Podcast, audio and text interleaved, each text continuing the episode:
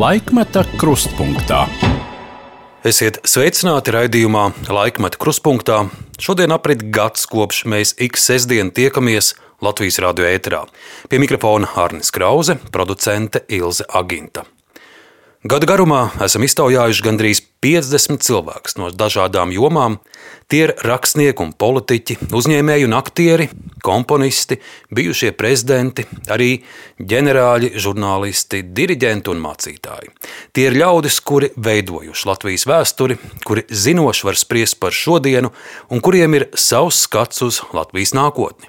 Kā jau daudzus, arī mūsu raidījumu būtiski ietekmēja 24. februāra rīts - Krievijas iebrukums Ukrajinā. Kopš šīs dienas ar katru no mūsu raidījumu viesiem esam runājuši par Ukrajinu, par mūsu atbalstu Ukraiņiem, esam novērtējuši, ka šobrīd varam dzīvot drošībā un kara šausmas nav jāpiedzīvo. Bet daudzi no maniem sarunu dalībniekiem karu jau reiz ir pieredzējuši savām acīm. Aktrise Olga Dreģe raidījumā atminējās, kā maza būdama, bēgot no uzbrukuma, pakritusi uz kāda nomiruša karavīra. Režisors Ivars Seleckis stāstīja, ka pats pieredzējis Krievu tanku ienākšanu Rīgā 40. gadā. Ausma Kantāns spilgti atcerējās dienu, kad nomiris Staļins. Šodien raidījumā vēlreiz satiksimies ar vairākiem mūsu raidījumu viesiem, Ausma Kantāne un Edgars Račevskis jau ir aizsaukti mūžībā, un sāksim ar bērnības kara atmiņām. Turpinājumā dzirdēsiet aktrises Olgu Dreģi un Ausmu Kantāni, literātus Māru Svīri un Ēriku Hānbergu. Un man, manā pieredzē tas ir otrais karš. Es jau karu otrais piedzīvoju. Bēgļu gaitas mums bija ļoti traģiskas, jo es tik atceros to rītu, kā mamma cēla mani augšā un teica meitiņu caur ķēķa durvīm pa otru pusi mājai ir jādodas bēgļu gaitās, jo ir sācies karš un, un te ir armija iekšā mūsu mājās. Tad jums bija jāpamet māja sarkaņo, jā, sarkaņos. Jā, sarkaņos un... bija jāpamet māja, un mēs aizbraucām uz Oļu pagastu ar visu iedzīvi, ar, ar visiem lopiem, ar um, zirgiem. Ķēve bija, ko tētiņš bija visu dzīvi ilgojies iegādāties, bija mums dūda ķēve bija, un bija mazs lords kumeliņš, Un ar, visām, ar visu iedzīvi, ar visu mēs aizbēgām e, uz rāvijas purviem. Vienā saimnieka pagrabā, kur domājām, ka tur nebūs kaujas, bet tur faktiski bija vislielākās kaujas, jo purvā bija krievu armija un kalnā bija vācietis un, un visi aploki ar ievainotiem lopiem, kuri tur šķembu ķerti īdēja un vaidēja un mauroja un, pirmo trāpīja mūsu āzīti. Āzītis bija tur piesiets, kas tika nogalināts, un manas māsas, vecākās māsas, gāja uz to siena šķūni, kur, kā tētiņš teica, redz, ka nāve apvieno gan vāciešu armijas kritušos, gan krievu zaldātus. Jo, jo sanāca, viņi tur iebēga, tanī, ierāpās tajā siena šķūnī, lai vienkārši uz tām cisām aizietu mūžībā. Māsas skrēja palīgā, rakstīja vācu valodā, vācu zaldātiem vēstules tuviniekiem, un brālis atkal pusauģi viņi bija. Mēs jau bijām pavisam maziņi. 41. gadā bija tikko dzimis Jānis Brālītis, un, un vienā dienā ienāca viens uh, krievu virsnieks un teica, 15 minūtēs jums ir šis pagrabs jāatstāj jo laidīs eh, Krieva armija darbā kaķušu, un te nepaliks pāri nekas. Un mēs kā stāvējām, tā piecēlāmies. Vēlāk man bija žēl tā sviesta ķipīša, kurā bija eh, vecāki paņēmuši līdz eh, sviestiņu, sakūluši, lai būtu vēļgaitās no kā pārtikt un, un, un tā. Kā mēs stāvējām, tā mēs caur to puru, caur ievainotiem zaldātiem, kurus veda uz suņu pajūgos, uz tādām zemām ragutiņām, un es pat pakritu uz viena uh, nomiruša, atceros, kā šodien tādās bērna fotogrāfijas kādas bija acis ar plēvi aizvilktas. Tas, tas, tas ir uz mūžu. Šīs atmiņas ir uz, uz mūžu. Tas bija, bija briesmīgi un atbēgām uz mājām, kur arī viss bija nodedzis un, un sākās pēckara pagrabā mitināšanās un, un brāli savainoja. Tas saspridzinājās ar, ar granātu, jo, jo bērni jau skrēja ārā un, un, un, un lasītās, uzlasītās tās atstātās mīnas un granātas. Un, Nu, tas viss ir pagātnē, kā saka, bet, bet man tas ir um, atmiņā otru reizi, tāpēc es ļoti smagi pārdzīvoju šo karu un domāju, lai Dievs mūs pasarga manu paudzi, kas faktiski jau piedzīvo otrais to. Mēs tā dzīvojām un domājām, nekad, nekad tas neatgriezīsies. Un nevarējām pat iedomāties, ka mūža nogalē, ka mēs piedzīvosim otrais šo tādu zvērības, nežēlības, zvērības, iznīcību, vardarbību, varmācību. Nu, tas ir neprāts manā uztverē. Bet es dzīvoju, ziniet, tajā mājā pie, pie brīvības pieminiekļa. Es dzīvoju tajā VF mājā, ko tagad tas lielais biznesmenis uzcēla uz jumta, baumaņam, pieminiekļa arhitektūrai. Nu, tas vispār nav diskutējums, kas tur tajā mājā izdarīts. Bet es biju tad, 53. gadā, es tur dzīvoju, man bija desmit gadu, un nomira Staļins. Un šausmīgi dārdi, bum, bum, bum, bum, bum, bum. Tā, es saku, karš! Atkal karš! Es ātri pa trepiem lievu, dzīvoju augšā bēniņos, šš, noskrienu. Visas ielas par sēdes durvīm uz Raņa bulvāru pusi, viss ir tukšs, klus, visa. Nu, kāda nu, toreiz bija tā mašinērija, var sakot, tā satiksme ir apstādināta. Un dzied, gavarīt, Maskvā, viss skaļi un gavarīt, Maskvā. Umir Josif Visarjonovičs un vēl viss epitēt Staļin ārprāts. Es domāju, tagad ir jāraud.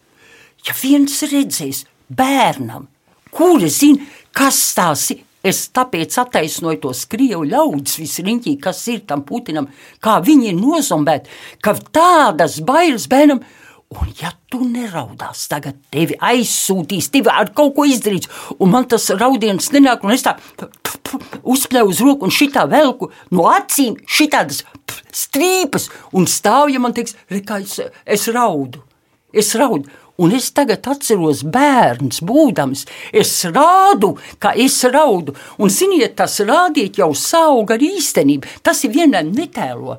Tev šis tēls, tā maska var pielikt tev, un tev būs ļoti grūti no viņas savā dzīvē atbrīvoties. Un man liekas, ka daudzi cilvēki tā dzīvo ar maskām. Viņiem vairs viņi pazaudējuši sevi, savu būtību, savu identitāti. Un to es atceros, un tad es saprotu, bet viņi varbūt arī tāpat nozombēti. Viņiem arī ir, viņi iet jau kā pusdzīvi, viņi vairs nav. Ja kāds uh, Aitmātovs teica par tām uh, mankūtiem ka tev atņem atmiņu. Es par to esmu jau domājusi, ka eh, rekā notika, kad eh, sākās Otrais pasaules karš, ko toreiz šeit sauc par Tēvijas karu. Tad man bija četri gadi. Un nu, pats mūža sākums, kad karš beidzās, man bija astoņi gadi. Es atceros uzvaras dienu, kas bija saulaina, skaista. E, diena, un visi patiešām bija priecīgi, jo bija daudz ģimenēs bēdas. Un e, cilvēki bija zaudēti tuvi. Par laimi mūsu ģimenē nē, sagadījās tā, ka tētis bija par vecu, lai viņu iesauktu. Un, e, tomēr nu, visas tās kara un pēckara grūtības, bet es neredzēju nevienu kritušo, es neredzēju nevienu šāvienu, un es neredzēju nevienu bumbas sprādzienu. Gan vienreiz kādu gabalu no mums, tur arī tāda garāka stāstīšana, kā tas viss bija, bet to es arī ar bērnu acīm uzskatīju par piedzīvojumu, nevis par briesmām. Un redziet, kā tas ir. Un tagad, kad mans mūžs ir jau garš, Un atkal ir karš. Saka tā, ka katrai paudzei vajag uh, piedzīvot savu karu. Bet, nu, redz, man ir jāpiedzīvo divi kari, un, un manai paudzei ir jāpiedzīvo divi kari. Uh, jo es ļoti personiski uzņemu šo karu. Es nespēju citādi to nosaukt kā par noziegumu, bezsirdīgu noziegumu. Un atkal man visvairāk ir jādomā par cilvēkiem, par, protams, par tiem, kuri cieš, bet Dievs soda vēl vairāk par tiem, kuri to visu ir sarīkojuši. Un es nevaru saprast, kas notiek viena briesmīgu ideju pārņemta cilvēka galvā. Nu, jūs noteikti un, un par labi, Putinu runājat. Jā, mhm. protams. Un viņa apkārtnē ka viņam nav tādu jūtu kā nu, žēlums, kā doma par to, ka viņš liek citiem cilvēkiem, daudziem, simtiem, tūkstošiem ciest, miljoniem ciest. Jo taču nu, tagad jau trīs miljoni ir emigrējuši, e, un kur tad vēl visi tie, kas ir joprojām vēl Ukrainā? Kā viņš var naktīs gulēt? Un galu galā, ko viņam vajag? Šis ir laiks, ka nav starp krāsu, ir tikai divas krāsas, melns un balts. Jo tuvāk ir šis apdraudējums pasaulē, jo vairāk es atgriežos bērnībā, jo toreiz man bija 10, 12, 13 gadi. Tad es piedzīvoju to karu, es piedzīvoju visu mūsu saimniekošanas, manu vecāku māju zaudējumu. Es piedzīvoju bēgļu gaitas kurzemē, kur dēvē par kurzemes cietoksni un par kurzemes katlu. Un toreiz tā bija zēna romantika. Un arī vēl pēc tam, kad atgriezāmies mājās Birzgals pagastā, Birzgals pamatskolā, iedomājieties, ka dzīvojām kopmītnē un pēc stundām gājām uz mežu šautmērķī. Kopā ar vecākiem puikām, kuri prata spridzināt mīnas. Iedomājieties, ka šie zēni, un es esmu jauni, tādi kā mani vienaudži bija vairāk, kuriem arī bija šis noslēptās šautenes mežā, un ņemt savu šauteni un šaut mērķī, un ka visi mēs vecā tranšējā ieklūpam un skatāmies, kā lielie puikas ir piesējuši pie koka mīnu un ar kaut kādu striķi paraunu, un koks palicās gaisā un nokrīt. No vienas puses, romantika un jūsu zēnības atmiņas, bet vai, vai atmenat tagad arī, ka, ka acu priekšā bija šīs kara šausmas? Lūk, lūk, un tieši jūs vairāk tagad atceros to. Es tagad to atceros ar lielākām šausmām, ka tās taču bija šausmonības. Un kā mēs paši šie puikas riskējām. Iedomājieties, ka paņem patrons, izlauž lodes, tad viss šīs patronas savieno ar degauklu un tādā veidā izveido savu tādu granātiņu un to aizdedzina un met. Un es atceros, ka pie tēva brāļiem, ka es arī metu vienu šādu pašdarinājumu, un uzmet uz klēts jumta, un tas sāka degt. Labi, ka tur viens izglāba. Tā kā katru šo soli un katru pieredzējumu, kas toreiz bija, var atcerēties ar, ar šausmām. Un šīs šausmas tuvojas tagad, un pasaule viss ir šo šausmu cenšanās novērst, saprast un apiekt. Un es arī cenšos apiekt, kā tas viss ir manas dzimtas, manas tautas, manas Eiropas, manas pasaules kontekstā. Dzirdējām Eriku Hānbergu, Māru Svīri, Ausmu Kantāni un Olgu Dreģi. Kā jau dokumentālists īpaši precīzi un spilgti ar savām bērnības atmiņām dalījās režisors Ivars Seleckis, viņa acu priekšā arī pēc 72 gadiem ir noputējušais Krievu karavīrs uz tanka Marijas ielā. Karu Rīgā pieredzēja arī žurnāliste Ingrīda Meirovica. Turpinājumā viņu atmiņas. Tas ir neticami, bet to karu pirmkārt atceros es ar, um, ar tādu, kas neizdzēšami iespiedies atmiņā, ir, ir klusa nakts vasarā.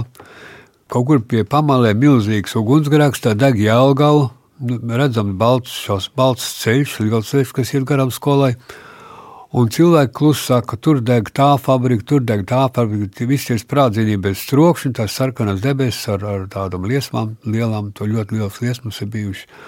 Un tā sākās karš, un tad uh, mēs uh, dabūjām bēgļu gaitās klīst turpat apkārt. Un, protams, gadījās tā, ka mūs, tā viena no tām mājām, kurā mēs bijām apmetušies, atradās starp frontes, starp Vācu un Krievu ierakumiem kaut kur pa vidu. Un, un tur mēs dzīvojām, bet uh, vienreiz iznāca tā, ka bija apšaude kaut kāda no vācu puses, un tur pagalmā eksplodēja daži lādiņi, un māsa tēva izgājuši pagalmā, un mamma ļoti pārdzīvoja un teica, mēs te nevienu momentu vairs nedzīvosim. Un paķēra teiksim, mani un, un, un, un, un māsu un, un, un, un brālīti mazo vēl. Un visi mēs metāmies ārā, tur pa kalnu uz leju, un tur no ierakumiem nāca tādi bārdaini vīri bļāvu. Kur tu lien, zini, un tā, bet mums nešāva ne vācieši, ne krievi, un tā mēs uh, nonācām. Krievu pusē, jo vācu pusē bija upīt, uz to pusi nevarēja nekur doties. Nu, tas ir tāds ainas, kuras nav aizmirstams, bet galvenais ar, tiem, ar to pasaules otro, ceturto sējumu ir tā, ka bija tāds milzīgs lasīšanas trakums. Es lasīju tos grāmatas kā pa plauktiem visu. Un, un to, sējumu es nebiju pabeidzis, un vienīgais, ko es varēju paņemt no mājas bija tas ceturtais sējums, un tā es viņu turpināju lasīt. Tieši tas bija pirmais pasaules karš, kurš sakrita, vai ne, ka tur tā, jo apšauda bija tāda, ka pa to lodziņu, es tur pagrabā pie lodziņa tur lasīju, un, bet tā šķembas gāja iekšā pa to lodziņu man pāri, un trāpītiem cilvēkiem, kas bija aiz manis, tur durvīs, tur durvis izlauzt, tur roku kādam sasīt, tur kaut kāds kauls salauzt, tur ievainoja. Tas viss kaut kā tā, tas tā viss notika. Un kaut kā, ja es to grāmatu nebūtu lasījis, varbūt būtu bijis citādāk viss, bet es tur biju aizņemts ar to grāmatu, man tā šķēmas pārgāja viss pāri. Un seši gadi jums bija, kad Krievu tanki ienāca Rīgā. Jā, Ko no tā atceraties? Jā, es to māju atceros, tā māja ļoti otrā stāva māja, loks vaļā, tur bija kaut kādas. Marijas ielā. Marijas ielā tieši, jā, un nonācām pa trepēm, un un tieši braucu garām, bija tāda asa benzīna smaka, un bija kaut kāds redelīts tam tankam apkārt, un, kur kājnieki bija atspie, atspieduši kājas uz tiem. Un tā sēdēja tādi noputējuši un brauc garām, un publika tā drūmi skatījās, kā visi aizbrauca virzienā uz Zemitānu stacijas pusi. Ja. Un tad gāja augšā, un tur vairs nekādas lielas viesības nenotika. Viss izbeidzās, un tā tas viss kaut kā. Un tālāk kaut kas tas gabaliņš ir pazudis pirmās pārmaiņas jau notika tūlītās ar, ar padomju karaspēku ienākšanu. Un to es atceros, kā tie karavīri izskatījās. Pēc tam nākošie atkal citas uniformas, citi karavīri, cits maršēšanas veids. Jā, pie brīvības pieminekļa vairs nestāvēja goda sardze, arī to es atceros.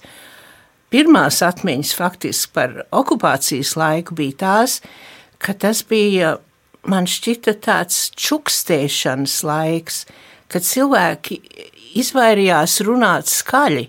Arī um, ģimenes lokā daudz kas tika pārunāts klusām, tā kā varbūt pat mēs jau droši vien kā bērni, mani brāļi, mēs jau nebūtu daudz ko sapratuši, varbūt vecākais brālis. Bet tik un tā cilvēki mēdz runāt klus, klusītiņām cilvēku ģērbšanās stils bija mainījies. Dāmas, kuras agrāk gāja ārā uz ielas ar cepuriem galvā, pēkšņi bija nomainījušas cepures pret lakatiņiem. Kaut kā tas man ļoti, man vienmēr ir, ir uh, interesējis, kādi cilvēki izskatās no, kā viņi ģērbjās jau laikam no agras bērnības. Jo es arī tā kā jau minēju par tām uniformām, kas man arī uzskrīt, ka tādi uh, tie pirmie padomju okupanti, karavīri bija tādi nošļukuši, teiksim tā. Nebija arī mūsu karavīri, bija ļoti vienmēr braši un skaisti un eleganti apģērbušies. Jā, nu tās ir tās atmiņas, bet man vienmēr ir palicis atmiņā tas kontrasts ar to, ka tajā laikā pirms okupācijas Rīga bija latviska pilsēta, dzīvelīga pilsēta, bija vienmēr uz ielām cilvēki, čalas. Tāds man palicis vairāk atmiņā tas noskaņojums, kas pēc tam mainījās, un ar vien vairāk un vairāk likās, ka viss kļūst tāds nospiestāks un pelēkāks un tumšāks. Redziet, kā tas ir. Man bieži prasīts par to, kā es kā bērns pārdzīvoju karu. Un tas ir faktiski dīvaini, jo bērnu pasaule ir ļoti atšķirīga no pieaugušo pasaules. Un kā mēs ko redzam, kā bērni un kā mēs kā pieaugušie. Un, piemēram, pēdējais laiks pirms Rīgas atstāšanas, Rīgā jau bija uzlidojumi, trauksmes, bija jā, jāskrien pagrabā, jāsēž pagrabā. Mēs ar brāli, vecāko brāli, skatījāmies arī no mūsu dzīvokļa loga, kā notiek gaisā kauja, kaujas lidmašīnām. Un skatos vienu, uu, vienu tur nāk griezdamās kūpēdam zemē. Protams, mēs jau tad neiedomājamies, ka tur ir iekšā dzīve cilvēki, kas viens vai otrs, vai tas bija krievs vai vācietis vai latviets, kad tās ir viņam beigas, ja, kad tas cilvēks tur nogāja. Mēs sēdījām tur pagrabā un, un tad kaut kur kaut kas sprāga, kaut kas krita, bet tāda baiļu sajūtas īstenībā nebija, jo es domāju, ka bērni maz zina vai saprot, ko nozīmē sāpes nāvi, ja viņi nav to tā īsti piedzīvojuši. Un, protams, mēs nebijām to piedzīvojuši. Un tad tikai pēc tā viena uzlidojuma eh, mēs izgājām ar brāli ārā pagalmā un atradām lielu šķembu tādu no, no kaut kāda šāviņa lādiņa. Un faktiski viņi bija diezgan baismīgi, bet mēs to paņēmām tā, ka tad varētu uzlikt uz rakstam galda, kā lai papīru to nospied kaut kādu tādu kā piemiņas lietu gandrīz. Dzirdējām žurnālistu Ingrīdu Meirovicu un režisoru Ivaru Selecki. Ar mūsu raidījumu viesiem kopš pavasara runājām nevien par pagātni, bet arī daudz spriedām, kādēļ tik briesmīgs karš mūsdienās vispār ir iespējams. Kādēļ Putins tik daudziem ukrāņiem sagādājis sāpes un nāvi? Man atmiņā palicis rakstnieces Māras Svīras aicinājums Krievu karavīru mātēm, un ar to arī turpināsim. Vai tiešām Krievu tautai nav uh, loģiskās domāšanas? Vai tiešām viņa ir tā jau ģenētiski ar visādām padomju varas represijām sabojāta, ka vienkārši tic uh, vienai patiesībai, kas tiek viņiem pateikta priekšā. Vai tiešām viņi paši nespēja to salikt kopā, ka Ukraina, nu liela valsts salīdzinot ar Latviju, bet maza valsts salīdzinot ar lielo Krieviju? Vai tiešām viņi tic, ka Ukraina spēj apdraudēt Krieviju un ka par to ir jāsoda ar nāvi? Par to man ir jādomā, un es nesaprotu. Es varu vienīgi izskaidrot ar kaut kādu ģenētisku novirzi. Un tādēļ man gribētos atkal, man ļoti gribētos runāt ar, ar krievu karavīru mātēm, jo mātes ir liels spēks, bet izskatās, ka klusē, klusē. Tad, kad Afganistānā krita karavīri krievu, tad bija vairāk ziņu par to, ka mātes protestē. Un es arī būtu sacījusi, sauciet savus dēlus mājās. Neceriet, ka viņi tur kļūs par varoņiem. Viņiem ir jāatsakās no nevainīgu cilvēku slepkavošanas. Tā rakstniece Māra Svīra. Domājot par ļaudīm, ar kuriem gada garumā radio studijā Doma laukumā tikos, turpinājumā vēlos atskaņot vēl vairākus interviju fragmentus. Režisora Laima Zurgina runāja par Krievijas nākotni un tās iespējamo sadalīšanos, bet žurnālistāja Kuģe atcerējās pašas acīm pieredzēto Dienvidslāvijas karu, pēc kura likās, ka mūsdienās nekas briesmīgāks Eiropā vairs nevar notikt. Ir ļoti, ļoti daudz tās paralēlas, kas ir ar Ukrajinu, vēl sevišķi salīdzinot ar ja, Ukrajinā no, no 2014. gadu. Varbūt šorīt jau viņas zūd. Kāpēc viņas zūd? Tāpēc, ka ja Dienvidslāvijas, es vienmēr saku ne karu, bet karus, jo viņi bija tomēr dažādi. Tur īstenībā galvenais, kas bija, galvenais mērķis bija etniskās tīrīšanas. Tā tad atbrīvot, piemēram, Horvātiju, atbrīvot tur, kur dzīvo piemēram, serbi, kur jau gadsimtiem dzīvoja, tā saucamā serbu anklāvos, tādos lielos, tad attīrīt tos no serbiem. Bosnijā bija tā, ka Bosnijas serbi, lai attīrītu, lai viņiem paliktu tāda teritorija, kur tikai viņi būs vienīgie serbi. Tās, tās visas lielās problēmas. Tātad, vai nu iznīcināt cilvēkus, visus nolīdzināt līdz zemei. Nu, nu, tas tas viss, vis, katrs tātad mēģināja sev radīt etniski tīru teritoriju, un tur bija lielākā, lielākā nelaime ar to. Turpat nebija tā, kā piemēram šobrīd, ja salīdzinām ar Ukraiņas karu, kur tiks, tiek viss noslaucīts no zemes. Tur tomēr centās, nu, izņemot Sarajevu, kur bija blokādē ar gadiem, kuri tika daudz apšaudīti, bet nu, viņi arī ne, nebija infrastruktūra tā iznīcināta, kā nu, šobrīd notiek Ukrajinā. Bet tā naida kurināšana. Tā no visām pusēm bija Dienvidslāvijā, ieskaitot tur visur vienmēr piedalījās baznīca, baznīcas, reliģijas dažādas. Uh, Tā bija tāda pati, tā kara propaganda bija tāda pati. Un tas, kurš radīja to milzīgo naidu, nu, kurš varbūt tagad jau viņš ir tā mazliet noplacis, bet tas viss paliek visiem atmiņā. Un, un, un to naidu vēl, ar, tas naids vēl ar vienu pastāv uh, jaunatnes vidū, kur vispār tos karus neatcerās. Es neesmu sen bijusi Bosnijā, būs jau gadi pieci. Un tad pēc kara jau es, ne, nu, es ilgi vēl pēc tam arī braucu, bet es atgriežos Latvijā, kopš tā laika es neesmu bijusi. Un man reizēm gan gribās, bet reizēm man ir negribās tur atgriezties. Kāpēc? Tāpēc, ka karš ir pagājis, kara sekas, nu, varbūt vairs tā nav redzamas, bet viņas jau paliek. Viņas jau kaut kur paliek, un man arī tās atmiņas kaut kur aiztikt vispār ne, negribās. Jā, tas ir kaut kas tāds, kā, ko es vispār negribētu. Tas ir palicis manā pagātnē. Es īstenībā negribētu vairs tur pastaigāt pa tām margrietiņu pļavām. Tāpēc, ka ja karš, man vienmēr karš kaut kur ir, nu, viņam bijis kaut kāda tāda, viņš vienmēr ir smirdējis pēc naida. Nu, es negribu atcerēties vairs tā, tā kā tajā laikā tie margrietiņa lauki smirdēja. Es nezinu, ko nozīmē šis krievu ruskī mir. Pausu galam esmu dzirdējusi tādus apgalvojumus, ka uh, vecā Eiropa ir nogurusi, deģenerējusies un amorāla un tā tālāk.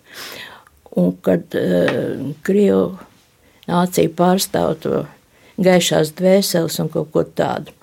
Un tad es domāju, paga, paga, kur es to esmu dzirdējis vēl.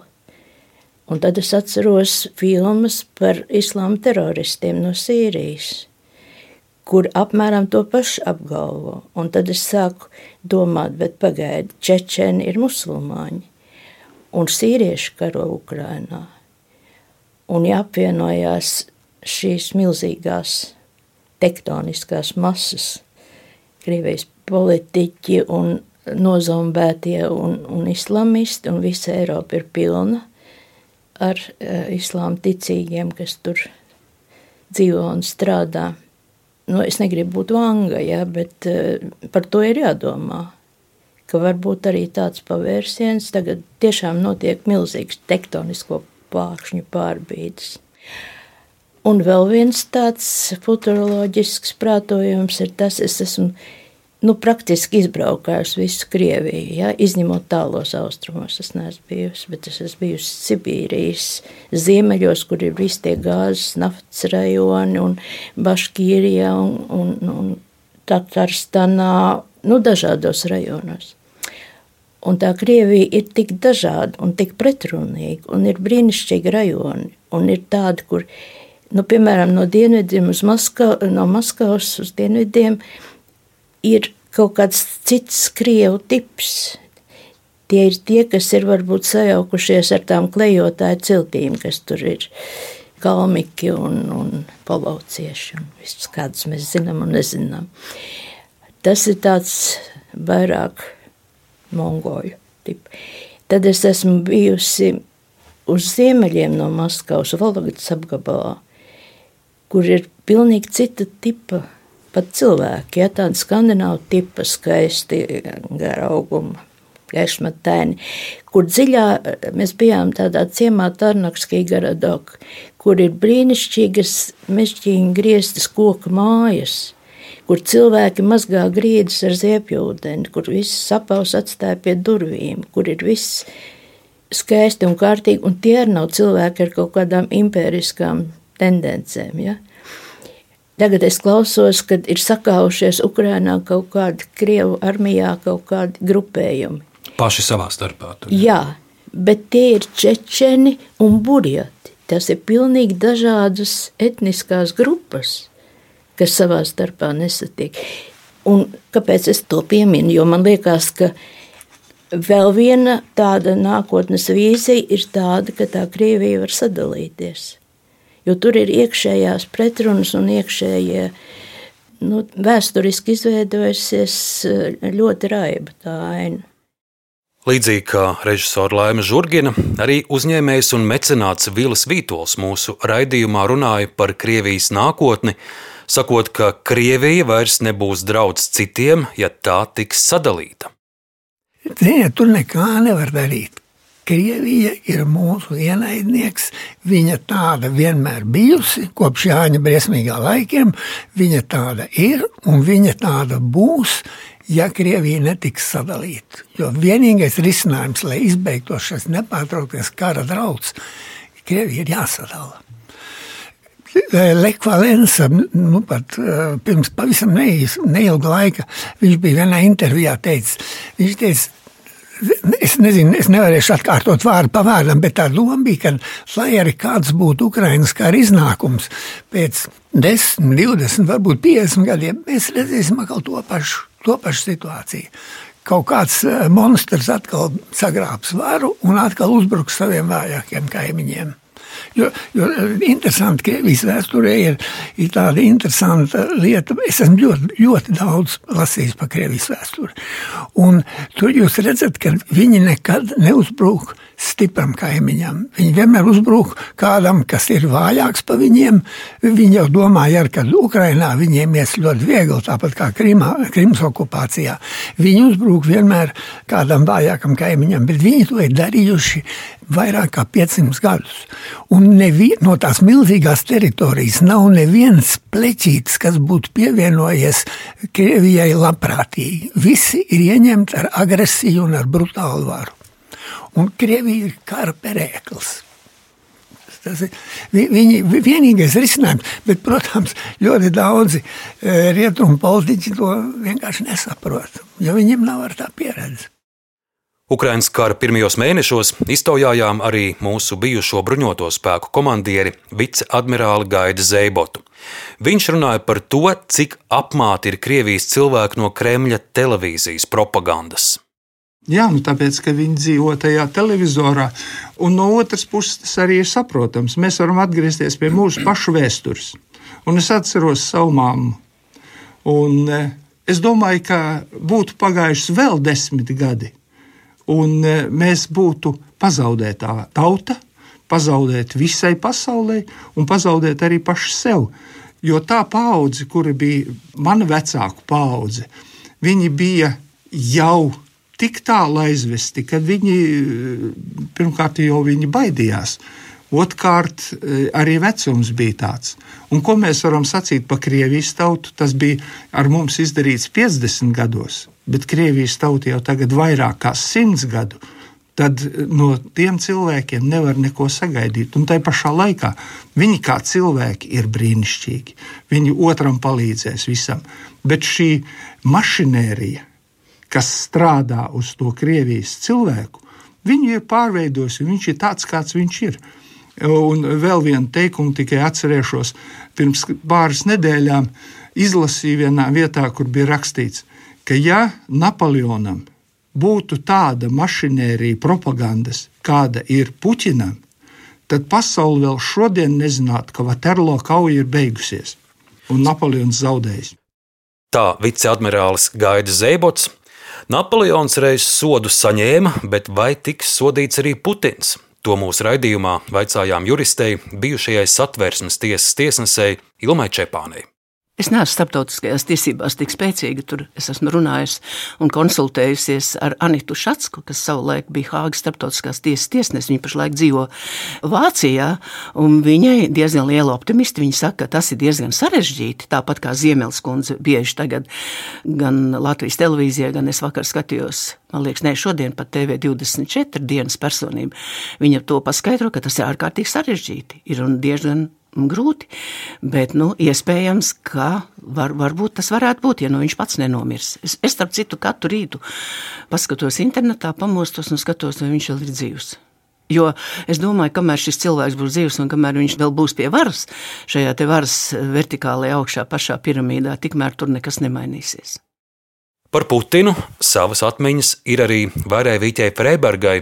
Kā prezidenti viņa tikās ar Putinu aci pret aci pieredzēja gan viņa čekas skolā apgūtos paņēmienus, gan draudus un draudzības piedāvājumu vienlaikus. Nu, viņš vispirms ir liekulis. Tā kā īstenībā nevar burtiski ticēt nevienu vārdu, ko viņš saka.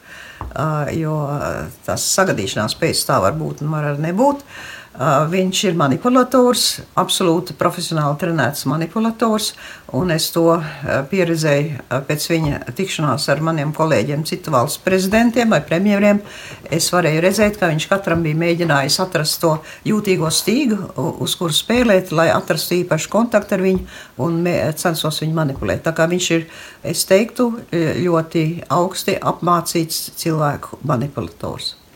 Viņam vajadzētu viņa armiju tiešām lupatās sasist. Tas ir vienīgais veids, vismaz atsist viņu atpakaļ līdz uh, Ukraiņas robežām un lai viņi atkāpjas. Putins mums, Putins Latvijai ir drauds šodien. Jā, viņš ir drauds ne tikai Latvijai, bet visai Eiropai. Un viņš ir īpaši draugs savai pašai tautai, bet no Ukrāņiem ir īpaši, kas, kurus viņš acīm redzami cenšas šo tautu iznīcināt.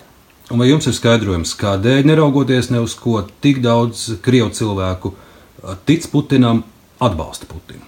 Tas man satriec visvairāk, jo viņš ir nogalinājis patiesību un ticību patiesībai. Cilvēki vairs netic savām acīm, savām ausīm, bet viņi tic uh, propagandai. Un tas ir par cilvēks uh, nākotni domājot ļoti biedējoši. Bet vai tikai Putins ir atbildīgs par Krievijas sākto agresiju pret Ukraiņiem, vai tikai Putins viens ir vainojams kara sākšanā? Par šo jautājumu kādā no sestdienām mūsu raidījumā runāja komponists Zigmārs Liepiņš. Es tomēr pievienojos tai domai, ka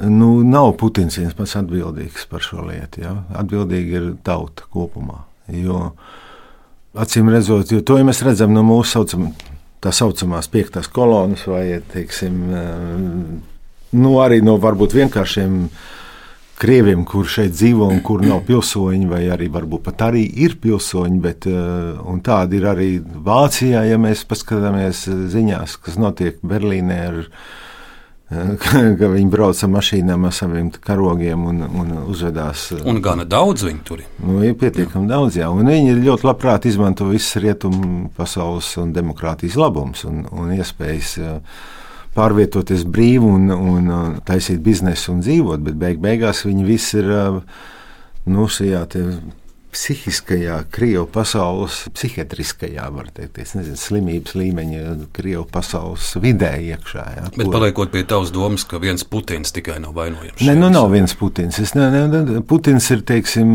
šis te gala rezultāta pats, pats, pats spice, jā. Bet, ja nebūtu šī apakšējā piramīda, uz kuras nu, Putins nevar rasties tukšā vietā, nu, ja būtu teiksim, demokrā, jau iepriekš būtu bijusi demokrātiska valsts ar nepieciešamību pēc demokrātijas un nepieciešamību pēc brīvībām, ja, tad Putins nevarētu rasties. Bet viņš jau radās uh, leģitīmā veidā, kā prezidents, un pēc tam jau sākās kombinācijas ar visām tām uh, konstitūcijas maiņām. Ar, nu, būtībā viņš ir tāds. Nu, Nu, jā, nu, autokrāts, eh, kurš būtībā ir pārkāpis jebkuras civilizācijas normas, nu, kas var būt. Bet to dara fons, kas viņam apakšā ir. Viņš strādā uz savu auditoriju, ne uz citām auditorijām. Šis ir tāds laiks, kurā skaidri un gaiši ir jāsaprot, kurā pusē tu stāv.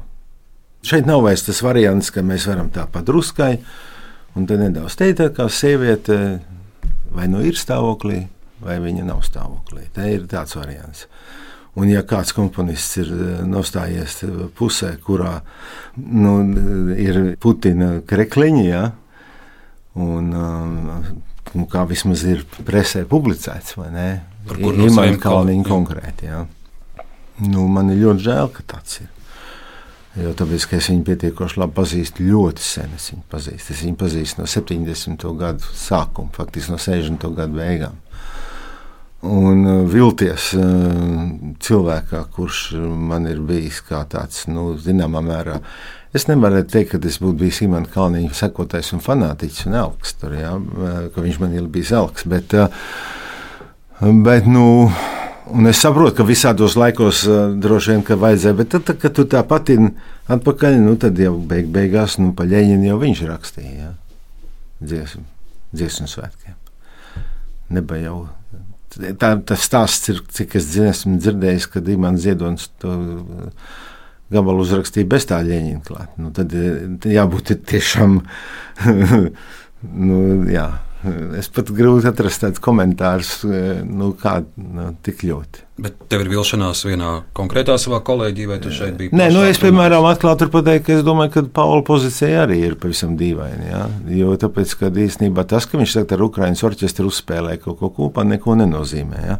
Viņa pirmais. Um, Paziņojums bija, ka, ka miers ir vajadzīgs, bet nu, vispār principā viņš no tā viss norobežojās. Tas nav viņam vispār ir personisks. Uh, dabas lietas. Pozīcija, teiksim, attiecībā pret šo Ukraiņas karu, nu, tur ir tāda, kas man liek šaubīties par to. Komponists Zigmārs Liepiņš un citi mūsu raidījuma viesi vērtēja šodienu, atskatījās pagātnē, bet dalījās arī ar spēka un iedrošinājumu vārdiem klausītājiem, kā dzīvot šajā nemierīgajā laikā. Turpinājumā dzirdēsim rakstnieci un tulkotāju Jānu Žīguri, rakstnieci un žurnālisti Moniku Zīli un režisori Laimu Žurginu. Es domāju, pirmais, kas ir jādara un kas varbūt man liekas, ir apdomas vērts arī mūsu klausītājiem, tas ir padomāt par savu dvēseli un neielaist tur ļaunumu, kas ir ļoti svarīgi. Jo es sāku skatīties eh, Facebook, kur es lietoju, un tā naida, negatīvā enerģija es runāju par mūsu latviešu publiku, ir tik ļoti nepatīkama. Kā tas naids uh, izpaužās? Nu, komentāros vairāk par to pieminekli, ja? mm -hmm. bet nu, tāds ļoti aktīvs naids. Bet naids pret ko? pat grūti pateikt. Varbūt pret Krieviju vispār, ja, kas man arī ne, nešķiet pareizi. Jo es nepārstāšu mīlēt Jeseņina dzēju vai Tarkovska filmas tikai tāpēc, ka politiķiem liekas, ka vajag tad izolēt visu Krievu kultūru. Nē. Bet um, es domāju, vai es viena tāda, kas tā domā, ka nevajag ielaist to ļaunumu sevī un lasu un lasu un viss ir, viss ir viss ir naids un naids un naids un naids un paliek ar vien sliktāk. Un pēkšņi viens puisis las, ir uzrakstījis tā, ka latviešiem vajadzētu paskatīties uz sevi no malas, jo naids atspoguļojas sejās. Un vai mēs gribam palikt par tādu mazu, naidīgu tautiņu ar saknieptām lūpām un naidīgu skatienu, Vai mēs tādi gribam būt? Nē, mums jābūt augstākiem, mums jābūt garīgi pārākiem. Es esmu ļoti liela ar katru savu šūnu. Esmu ļoti liela optimiste. Un es ticu, ka ja, mūsu, ja mums būs gudra saima, ja mēs spēsim ievēlēt gudru saimu un no Diemžēl tas ir ne tikai atkarīgs no tā, vai visiem ir augstākā izglītība, kā mēs to zinām. Tā ir laba prasība, protams, bet uh, mēs zinām, kāda cilvēka var būt ar augstāko izglītību mūsu pašu valstī. Bet, ja mums būs gudrs saim, ja mums būs gudrs premjerministrs un godprātīgs īsts valsts vīrs, tāds kā tā ir tagad, un prezidents, un ministri, valdība, un ja ja būs tādi cilvēki mūsu priekšā, kas uh, spēs apvienot mūsu ļoti sabiedrību, ļoti daudzšķautno un ļoti dažādi domājošo. Es nedomāju, ka visiem ir jābūt vieniem, bet par to man ir tomēr pārliecība, ka ja mēs neticēsim savai zemei, savai valstī, savai tautai, eh, savai valdībai un saviem valsts vīriem, tad kurš tad viņiem ticēs?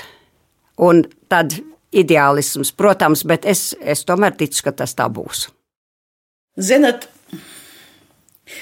tad es neko jaunu nepateikšu. Kādreiz, laikam, māte Terēze ir teikusi, viņai tur jautāja, kā tur to pasauli darīt labāku. Viņa teica, ejiet mājās un mīliet savus tuviniekus. Protams, manī ir visas bažas par visu to pašu, par ko visiem pārējiem cilvēkiem. Bet es domāju, ka mēs slikti izmantojam nu, to, to tagadnes emocionālo resursu, kāds mums ir. Šobrīd ir vasara. Ir tā sakot, ja vien mēs varam vēl paši uz savām kājām pārvietoties, ja mēs no rīta pamostamies pie pilna prāta, ja mums ir brokastis un būs arī vakariņas, mēs zinām, tad tagadni, izbaudīt tagadni. Par pagātni, nu ko mēs varam stāstīt, jā, kādas bija tā, tie, tās grūtības, kādi tie rūpesti, kādas bija tās šausmas, bet, nu, kas ir bijis, to nomainīt nevar. Par nākotni mēs nezinām. Mēs nezinām, vai nākotni, nu, ziniet, savos 80 plus man jāsaka, es absolūti nekoķetēju ar to, bet, nu, mēs nevaram zināt, un arī cilvēkiem, kā tas, kā tas būs. Bet šo tagad izbaudīt, lai, lai, lai kā tas būtu. Un mēs bieži vien arī mūsu cilvēki, tie, kas aizbrauc uz ārzemēm, sevišķi kaut kur dienvidos vai dieniņā, kā tur tie grieķi vai kādi tur itāļi, viņi tur sēž līdz melnai naktī, tur, tur ar visām tur ģimenēm, tur pie tā galda un, un ko nu tur viņi, un viņi absolūti tur nav nekādi tur ne bagātie, ne tur kaut kādi, bet viņi, nu tā tā dzīves tāda, to, ko mums, kā saka, ko tas Dievs ir devis, viņš mums ir devis šo dzīvi. Un dzīves jēga ir pati dzīve. Es atkal tagad citēšu. Un es esmu tiešām pateicīga. Es nezinu, redziet, es, kā es saku, es esmu cēlusies no katoļiem, bet man uh, godīgi jāatzīstās, nu, ka es būtu tāda briesmīgi tāda šīs, šai konfesijai ļoti daudz devusi ar savu kaut kādu ticību. Nē, nu, tad, kad ir slikti, tad es kā daudzi atgriežos pie Dieva. Un tad, kad man iet labi, tad tā tas viss ir. Bet vienalga, es esmu ļoti pateicīga, ka man ir mani tuvinieki. Es skaidri zinu, ka viņi tur ir, un ja man ir būtu kaut kāda vajadzība, tad es varētu viņus atrast, un, un, un ja ne citādāk, tad vismaz viņi man ar, ar kādu labu vārdu palīdzētu. Un es to novēlu kopt šīs attiecības ar saviem tuviniekiem. Protams, neviens nav eņģelis, un mūsu tuvinieki, tāpat kā mēs paši, ir ar to gaišo pusi un ar to tumšo pusi.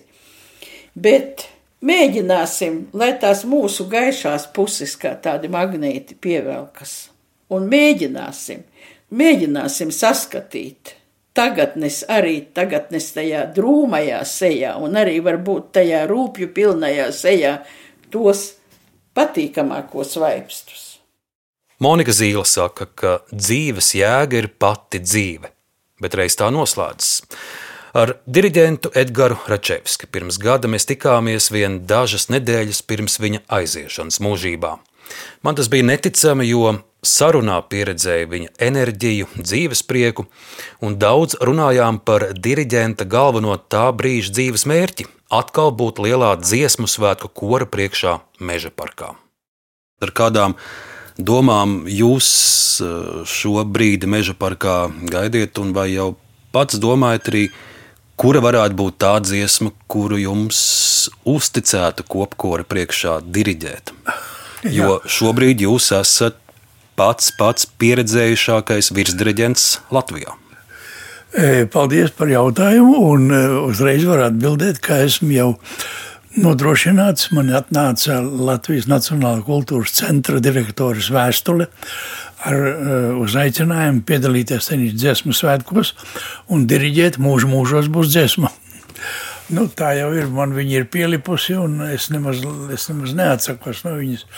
Tā kā es uz to gatavojos, un, un, un nu, pat es viņu pārbaudīju ar, ar, ar, ar, ar vīriem tikos. À, tas bija Alajā, Alajā laikam. Jā, Alajā bija virsdirigenta svētki, un tur vīru bars nebija liels, bet noturējās malacīgi, noturējās spēcīgi, Un meitenes aplaudēja dušīgi mums.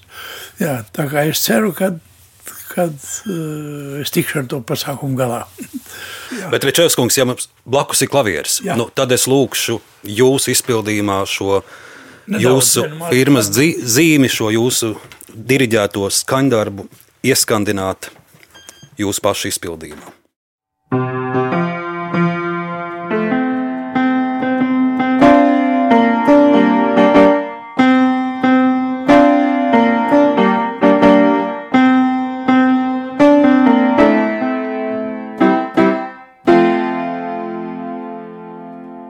Valters Kaminskis, Imants Ziedonis, mūžu mūžos būs dziesma, tā retā reize pie klavierēm Edgars Jā. Račevskis. Nu, atvainojos par sliktu spēlēšanu, bet nu, tas, tā, tas nav koris. Dziesmas mūsu raidījumā gada garumā nemaz tik bieži nav atskaņotas, bet ir kāda viena un īpaša, kura izskanēja pilnībā. Raidījumā Laikmat kruspunktā šai dziesmai bija pirmats skaņojums. Mūsu pats pirmais viesis, maestro Rēmons Pauls, sarakstīja mūziku Jāņa Petera pirmajam 60. gados presē publicētajam dzējolim Kaist pīlādzis sniegā. Arī ar Jānu Peteru mēs tikāmies. Pie klavierēm Rēmons Pauls, dzied Gundars Grasbergs, dziesma ierakstīta pirms gada šeit Latvijas radio studijā.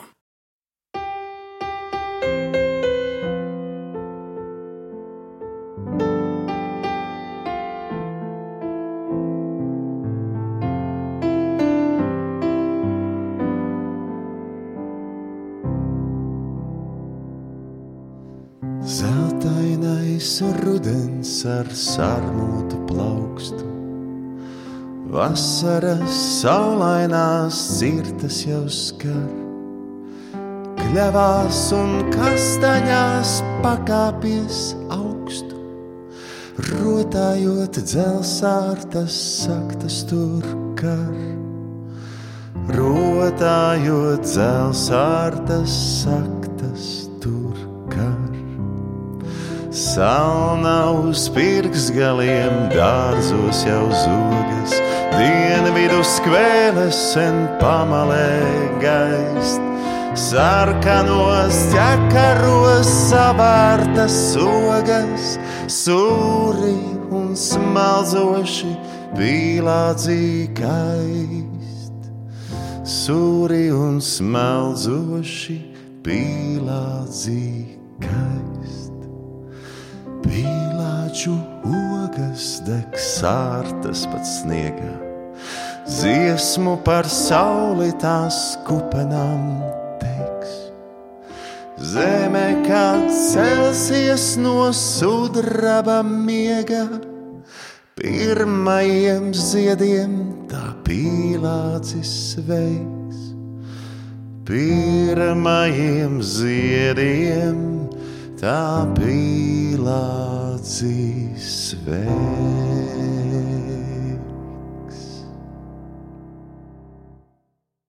Ar Raimonda Paula un Jāņa Petera kopdarbu Gundara Grasbarga skanējumā mēs šodien atvadāmies. Vēlos arī atgādināt, ka visi mūsu gada garumā izskanējušie raidījumi pilnā garumā ir atrodami un dzirdami Latvijas radio mājaslapā.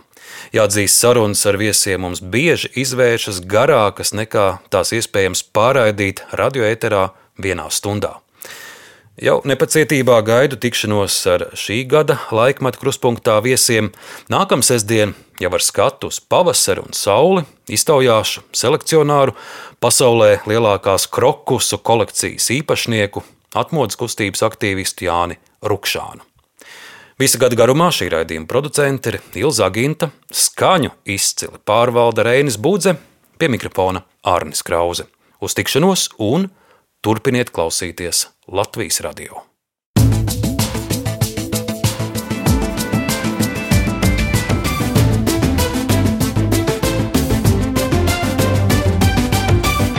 Laikmeta krustpunktā.